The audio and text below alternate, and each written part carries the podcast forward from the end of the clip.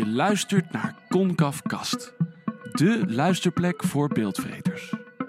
Concaf gaat in gesprek met gevestigde en nieuwe beeldmakers in film en aanverwante terreinen. Ja, beeldmakers of beeldkijkers, want voor deze aflevering van Concafcast ging ik, Luc Hezen, langs bij een van de andere stemmen van deze podcast, Kevin Thomas, omdat hij zo ontzettend veel van film afweet. En omdat het jaar op zijn einde loopt, wilde ik van hem weten, wat waren jouw favoriete films dit jaar en waar kijk je naar uit als het gaat om filmjaar 2020? Kevin, leuk dat je me wilt ontvangen. De andere stem, een van de andere drie stemmen van uh, Concafcast, maar nu in een heel andere setting inderdaad, want nu ben je eigenlijk de geïnterviewde. Ja. Ook wel eens leuk. Griezelig. jij, jij schrijft uh, onder andere voor de Volkskrant over films. Hè? Je ziet dus ook heel veel. Enige idee hoeveel films je gezien hebt dit jaar? Nou, dat vind ik echt heel erg lastig te zeggen, maar het zal wel in de tientallen lopen. En ook dus bioscoopfilms, maar ook dvd's? Ja, ja die gaan meerekenen, nog veel meer, ja. Oh ja. Ik heb het één keer één jaar bijgehouden. En toen zat ik in 364 films. Zo. Dat is bij, gewoon elke dag één eigenlijk? Ja, dat is wel mijn streven eigenlijk, ja, om elke dag een film te zien. Oh, wauw. Sommige dagen zie ik er twee of drie, daardoor kan het zo lopen. Ja. Dat jaar was, was ik in ieder geval heel blij dat ik daarop uitkwam. Dat is wel echt wat ik zou willen elke oh, ja.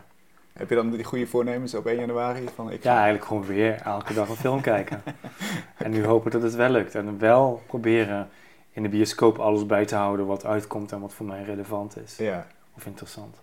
Ja, want, want het idee nu was, hoe was 2019 voor filmjaar? En dan natuurlijk voor jou, want er komen Mm. zoveel films uit, je kunt niet alles zien. Nee. Maar van wat jij gezien hebt, wat Ja. is... En volgens mij was het een, eh, of is het eigenlijk nog steeds, een heel, heel goed filmjaar. Vandaag had mijn collega Pauline in de krant twee films met vijf sterren. Dat zegt wel wat. Ja.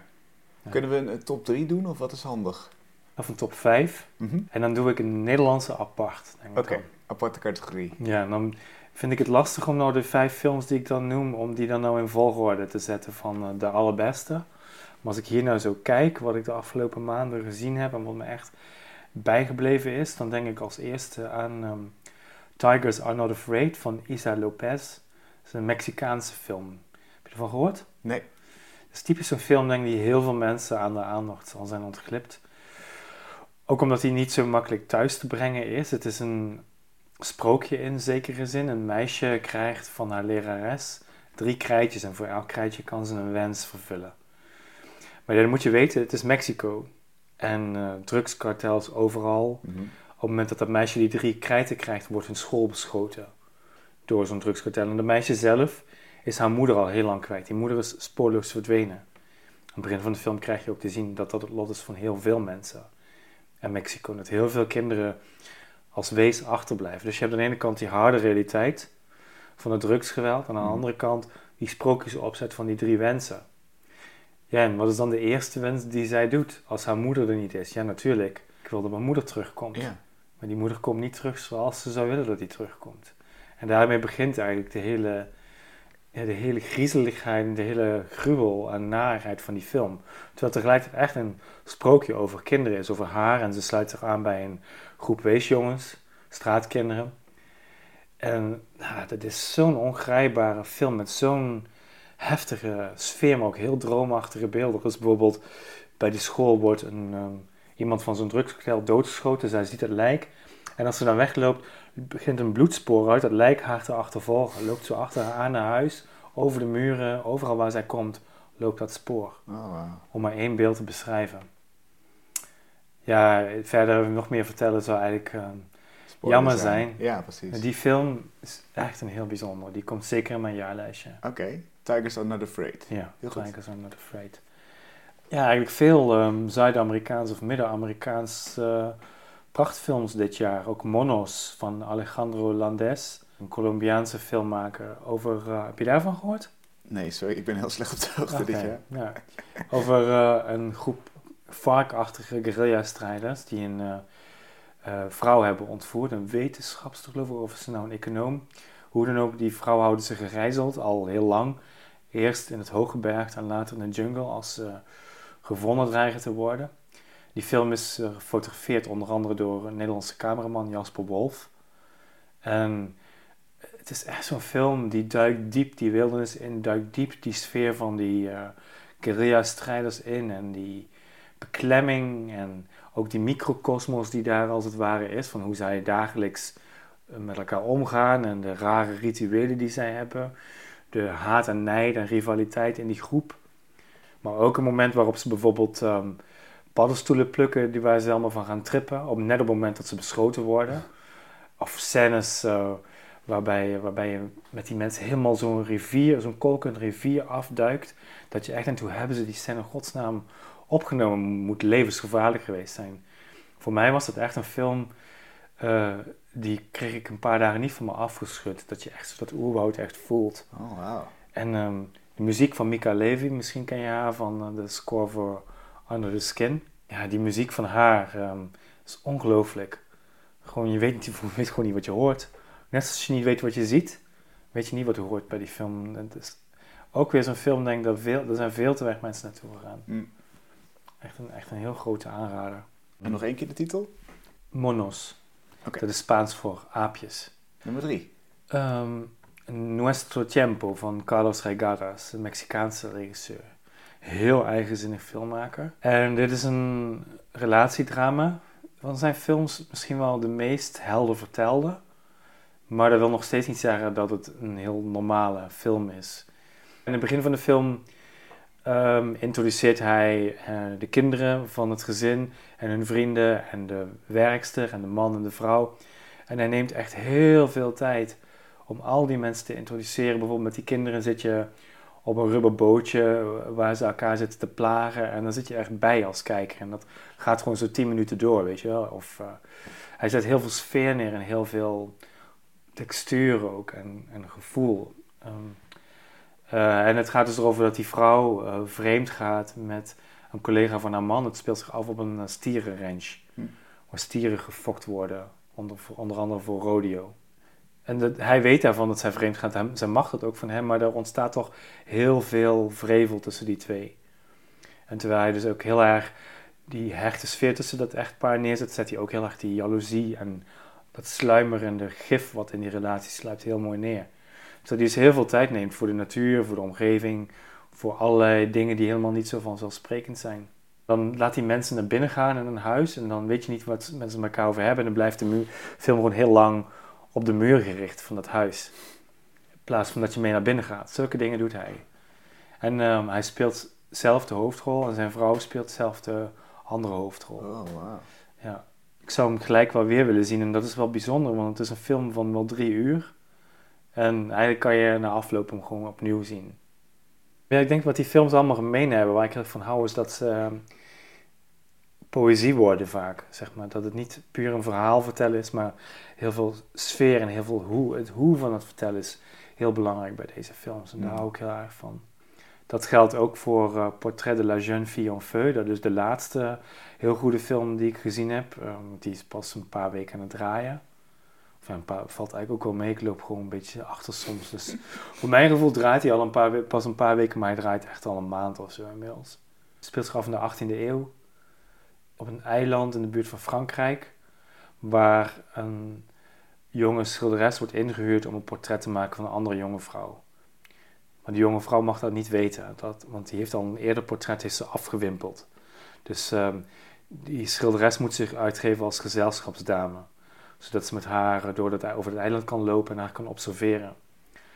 En er ontstaat iets heel moois tussen die twee. Iets verbodens natuurlijk. Een vrouwenliefde in die tijd, dat kon niet. Maar mm. omdat de moeder van dat meisje weg is, kunnen zij met elkaar daar in dat, in dat grote landhuis op dat eiland even iets heel moois hebben samen. Met z'n tweetjes. En die film gaat heel erg over de female gaze. Misschien ken je het concept van de male gaze, mm. van de mannelijke blik die alle films overheerste. En waar tegenwoordig wel allerlei alternatieven voor worden gezocht. Voor die dominantie van die mannelijke blik. Of het nou de blik van de regisseur is, of dat van het personage, of dat van de toeschouwer. Deze film stelt daar een heel duidelijke vrouwelijke blik tegenover. Alleen al natuurlijk een schilder die naar een andere vrouw kijkt. En wij kijken met haar mee. Ehm, maar je kunt als, als kijker ook heel mooi steeds naar hun samen kijken. Omdat de film heel vaak van die shots kiest waarin je hun samen ziet.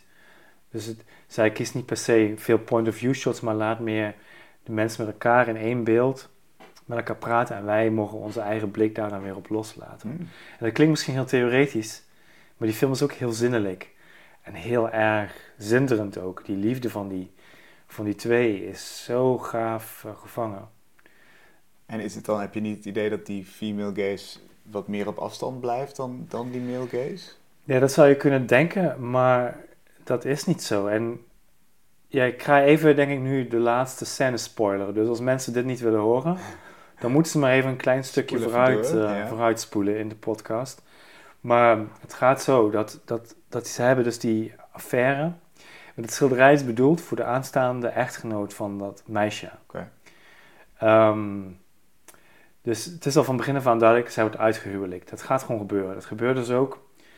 Eh, en dan zien we dus dat de schilderes haar nog één keer in het echt gezien heeft. En dat is bij een operavoorstelling. En dan zitten ze allebei op het balkon tegenover elkaar, heel ver uit elkaar. Zij ziet dat meisje daar, ehm, ja, ik zeg maar even meisje, zodat duidelijk is wie van de twee, maar het zijn eigenlijk allebei jonge vrouwen. Mhm. Ziet ze die ander daar zo eh, zitten. En zij kan haar ogen niet meer van haar afhouden. En zij probeert volgens mij een beetje met haar blik, haar blik naar zich toe te trekken. Maar, dat, maar die andere vrouw ziet haar niet.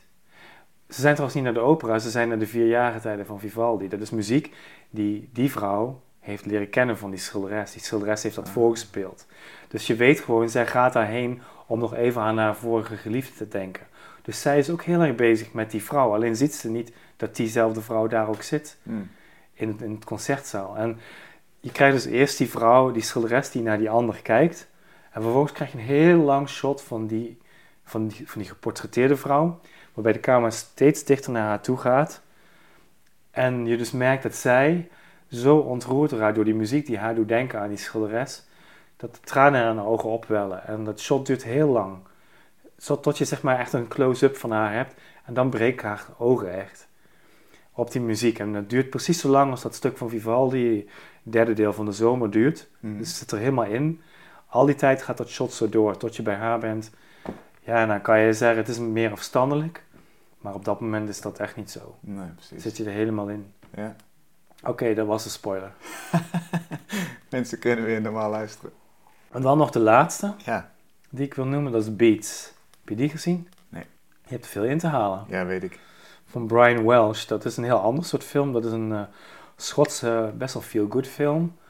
Over twee jongens in 1994 die helemaal eh, verslaafd raken aan de rave-cultuur. Die op dat moment ehm, op het punt staat verboden te worden door de overheid. Die verbiedt samenkomsten met, op muziek met elektronische repetitieve beats. Maar zij zijn helemaal vol van die muziek en ze willen nog één keer, ook omdat een van hun gaat verhuizen, willen ze nog één keer hun vriendschap vieren. En dan naar zo'n illegale raveparty gaan. Ja, en hoe die film dat aanpakt, hoe die zowel die vriendschap van die jongens echt heel mooi voelbaar maakt, als die hele ravecultuur van toen. Nou, Dat je echt denkt, wow, ik wou dat ik daarbij geweest was, als je er niet bij was. Eh, hoe die dat doet, dat is echt zo gaaf, zo fenomenaal. De film is helemaal zwart-wit. Heel mooi grofkorrelig zwart-wit, wat heel erg dus die beetje troosteloze sfeer van het arbeidsstadje weergeeft. Mhm. Maar die muziek geeft kleur aan hun leven. En dat zie je soms heel subtiel, doordat bijvoorbeeld het lampje van een eh cassettedek waar ze een bandje op luisteren, op de achtergrond rood opgloeit in het zwart-wit. Ah. En als de camera er heel even op scherp staat, wordt dat lampje door de focus ook even groter. En later, nu komt weer een spoiler aan. Later eh, gaan ze dus naar die rave party. En daar al, terwijl ze daar helemaal staan te trippen op ecstasy en op die muziek, verandert door die scène heel langzaam in kleur. En dan de mooiste kleuren die je maar voor kunt stellen. Ah, En dan krijg je een soort tripscène die niet meer alleen maar gaat om te laten zien dat die jongens aan het trippen zijn, maar het gaat om veel meer. Het gaat, je ziet allemaal fabrieken instorten, je ziet allemaal lopende banden, dus dat gaat ook heel erg over die industrie daar in, die, in, dat, in dat deel van het land waar zij wonen. En over de vooruitgang en eh, het regeringsbeleid en het kapitalisme, alles zit erin, in die korte tripscène, die veel langer doorgaat dan zou hoeven. Die duurt misschien wel vier minuten. Dat is echt zo mooi. Dat die scène alleen al, dat hoort voor mij wel echt bij de hoogtepunten van, eh, van het jaar. En dan heb ik Toy Story 4 nog niet eens genoemd. Om maar eentje te noemen. Ja. En The Third Wife niet. En Queen of Hearts niet. Elephant Sitting Still en Long Day's Journey into Night. Twee fantastische eh, Chinese films. The Green Fog, een remake van Vertigo, mijn lievelingsfilm van Hitchcock. Ja. Ja, en dan nog de Nederlandse film die ik wou noemen. ja, andere categorie inderdaad, Nederlandse Ja, film. ik dacht ik die heb, want dan kan ik nog mooie vijf andere noemen. De Libby vond ik echt zo'n gave film. Ja. Heb je die wel gezien? Nee. Ik bedoel, ik, ik hou echt niet van Amsterdam. Ik vind het echt een rotstad, moet ik zeggen. Ik kom daar niet graag. Ja. Maar deze film met die jongens die daar zo door heel Amsterdam chasen in hun eh Kanta Lux. En daar allerlei dolle avonturen meemaken. En ook daar die vriendschap van die jongeren is zo gaaf getroffen. Om die film in Amsterdam te zien en dan de bioscoop uit te lopen en die stad weer omheen te hebben. Ja. Daar dacht ik even, ah ja, nu, nu raakt de stad me wel. Ah, dus je hebt een, een charmantere kant misschien gevonden van Amsterdam. Ja, tussen oh, alle toeristen ja. in. Ja, Ja. Hoewel het niet stand hield hoor. Ik heb er nu weer net zo'n hekel aan als eerst. maar deze film heeft niet, alleen- is niet alleen een heel gaaf portret van Amsterdam en van die vrienden, maar ook gewoon een, die film heeft zoveel vaart en zoveel enthousiasme en energie in zich.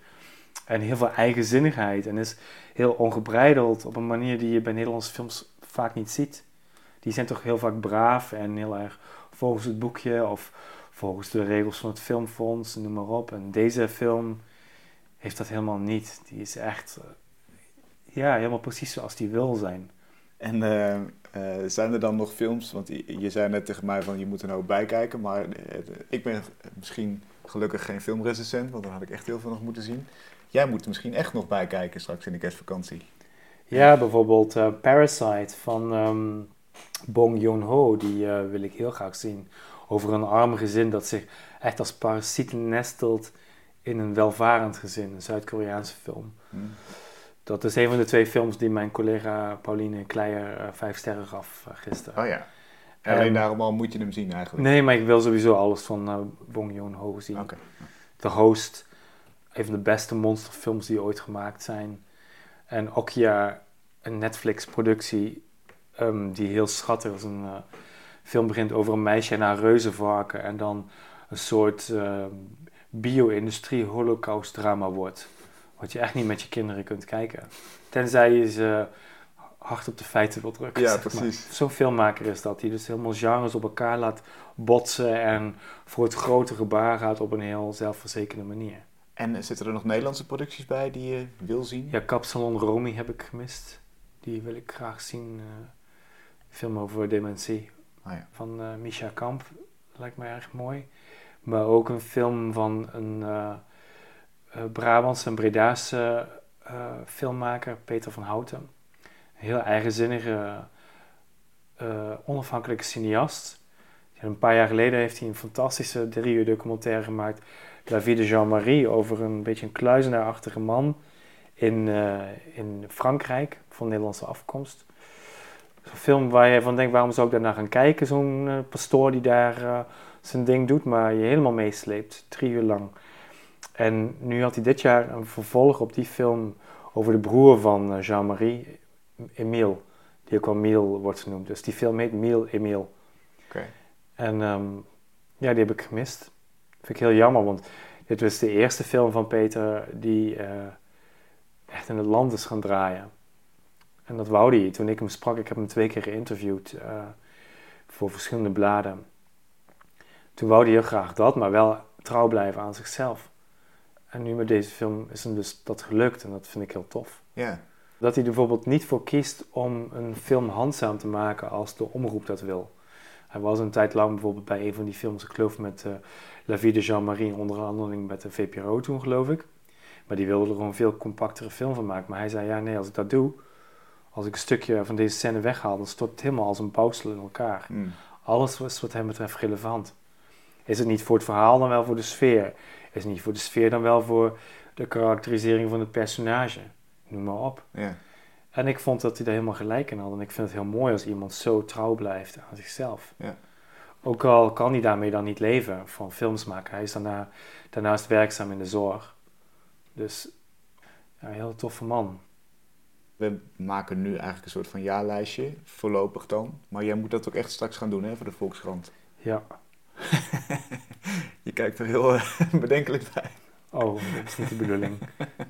Nee, ik was even aan het kijken naar Oh. wat, er ook allemaal nog, wat ik allemaal had bedacht, wat ik volgend jaar nog graag wil zien. Dus ik was al daar al over nadenken. Maar eh, Oké, nou laten we afsluiten met inderdaad komend jaar. Eh, Waar kijk je naar uit alvast? Terrence Malick, die was ooit een groot kluizenaar van de Amerikaanse film. Hij had heel lang geen films meer gemaakt en na The Tree of Life opeens heel veel, Ja. Aan één stuk door. En nou volgend jaar komt A Hidden Life uit. Een eh, drama over een eh, Oostenrijkse boer, geloof ik, die eh, weigert eh, zich, bij, eh, zich bij het leger aan te sluiten tijdens de Tweede Wereldoorlog. En dat klinkt voor mij als een veel verhalender concept dan ik van hem gewend ben. Dus ik ben heel benieuwd hoe dat zal zijn. Want zijn ehm, methode van heel poëtisch van het ene shot naar het andere mijmeren, zeg maar, met een voice-over erbij, dat wil nogal eens eh kitscherig worden. Hmm. En een beetje zichzelf uitputten. Dus ik ben heel benieuwd hoe dat bij deze film is. Of hij dat, die methode weer hanteert. Of dat hij zijn grenzen aan het verleggen is. Daar ben ik wel benieuwd naar. Ja. Seul les bêtes van Dominique Mol. Ja, ik had er nog nooit van gehoord tot ik net ging kijken van wat gaat er zoal draaien volgend jaar. Wat lijkt me mooi.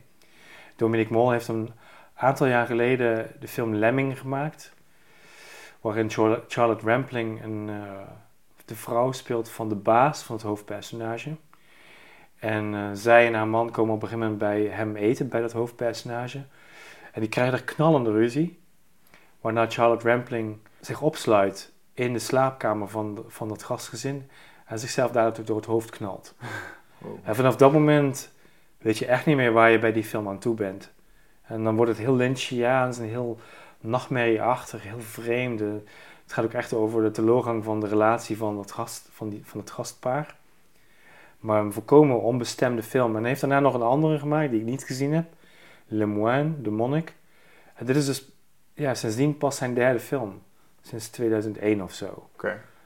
En dit gaat over eh, een moord, geloof ik, waarbij vijf mensen elk hun eigen verhaal vertellen van hoe ze denken dat die moord eh, gebeurd is. Zoiets. Ik ben heel benieuwd. En is er nog een Nederlandse film waar je naar uitkijkt? Sam de Jong die heeft een aantal jaar geleden Prins gemaakt. Die Ja. ken je waarschijnlijk wel. Ja. Ja, zo'n fantastische film. Ongelooflijk ook. Echt weer zo'n film, wat ik net ook al zei, waarin iemand helemaal zijn eigen pad volgt. Helemaal zijn eigen ding doet. En hij is daarna naar New York verhuisd. Oké. En daar heeft hij, in Amerika heeft hij zijn nieuwe film Goldie gemaakt. Over een jonge vrouw die door wil breken in de hip-hop-industrie. Ja, ik weet niet of dat nou als een Nederlandse film geldt, want het is volgens mij echt een op en top Amerikaanse productie, maar wel echt helemaal van hem. Dus eh, ik wil die wel noemen. Ik Ja. ben er heel erg benieuwd naar. Naar die. Te gek. Dankjewel. Alsjeblieft. Ik weet wel wat ik ga doen in de kerstvakantie. Ik ga gewoon films bijkijken. Heb je er tijd voor? ik ga er tijd voor maken. Ik ben Hmm. enthousiast geworden. Mooi. Dankjewel. Graag gedaan.